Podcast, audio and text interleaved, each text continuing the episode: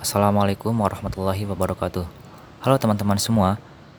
Perkenalkan, nama saya Zilal Asasil Islam. Saat ini saya bersekolah di SMA N1 Cianjur. Nah, di kesempatan kali ini saya akan membahas tentang teks prosedur. Sebelumnya, mungkin teman-teman ada yang sudah tahu apa itu teks prosedur. Kalau yang belum tahu, saya akan e, memberitahu apa itu teks prosedur.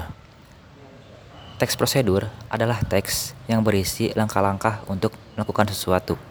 Nah, teks prosedur ini tersendiri mempunyai struktur. Apa aja strukturnya? Yang pertama, tujuan, yang kedua, langkah-langkah, yang ketiga, yaitu penegasan ulang.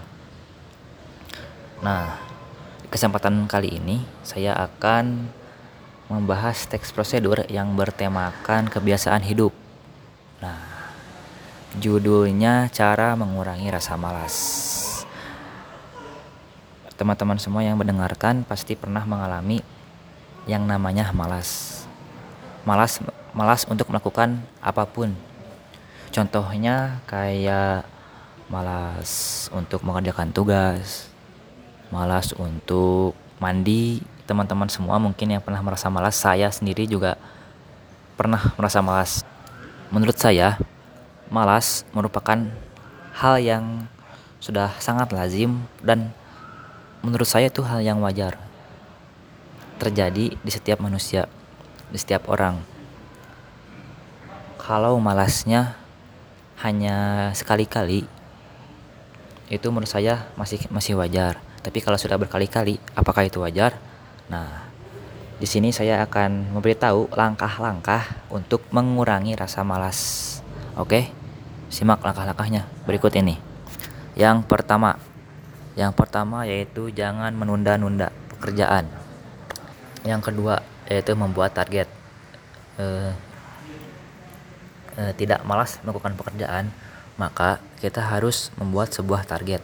Misalnya nih, ada sebuah tugas satu mata pelajaran yang deadline-nya jam 3 sore. Nah, kita buat target bahwa saya harus mengerjakan sebelum jam 3. Nah, itu merupakan contoh e, membuat target. Yang ketiga yaitu hadiahi diri sendiri. Itu setelah melakukan dua kegiatan di atas, kita harus menghadiahi diri sendiri. Contohnya, setelah kita melakukan pekerjaan, malah kita maka kita e, melakukan istirahat. Istirahatnya apa? Yaitu istirahatnya melakukan hal apa pun yang kita suka. E, misalnya udah yang tugas nih. Ah capek nih. Udah yang tugas. Pengen main game. Uh, pengen main sama temen. Ah jangan dong. Lagi corona. Tidak boleh. Nomor 4 hindari hal-hal yang membuat kamu merasa nyaman. E, contohnya kalau saya pribadi itu saya akan merasa sangat nyaman kalau sudah rebahan dan main handphone. Nah itu merupakan hal yang salah satu hal atau salah satu contoh yang membuat kita merasa nyaman dan malas untuk melakukan sesuatu. Nah, maka dari itu hindari hal-hal seperti itu. Usahakan ya teman-teman. Yang nomor 5.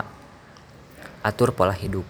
Nah, atur pola hidup di sini e, mencakup kebiasaan kita sehari-hari. Contohnya jam tidur kita, makan kita seperti apa, dan apa yang kita lakukan sehari-hari.